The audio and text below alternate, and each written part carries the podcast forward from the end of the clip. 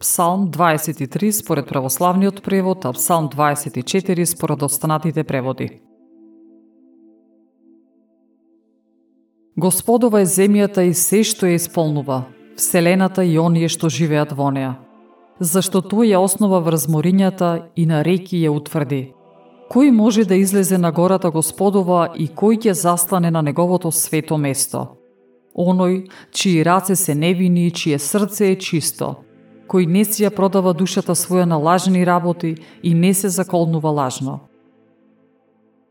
Тој ќе добие благослов од Господ и награда од Бога, својот Спасител – Таков е родот на оние што го бараат Него, кои го бараат Бог Јаковов.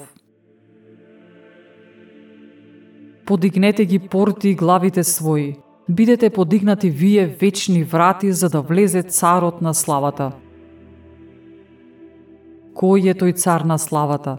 Крепкиот и силниот Господ, силниот во војна Господ.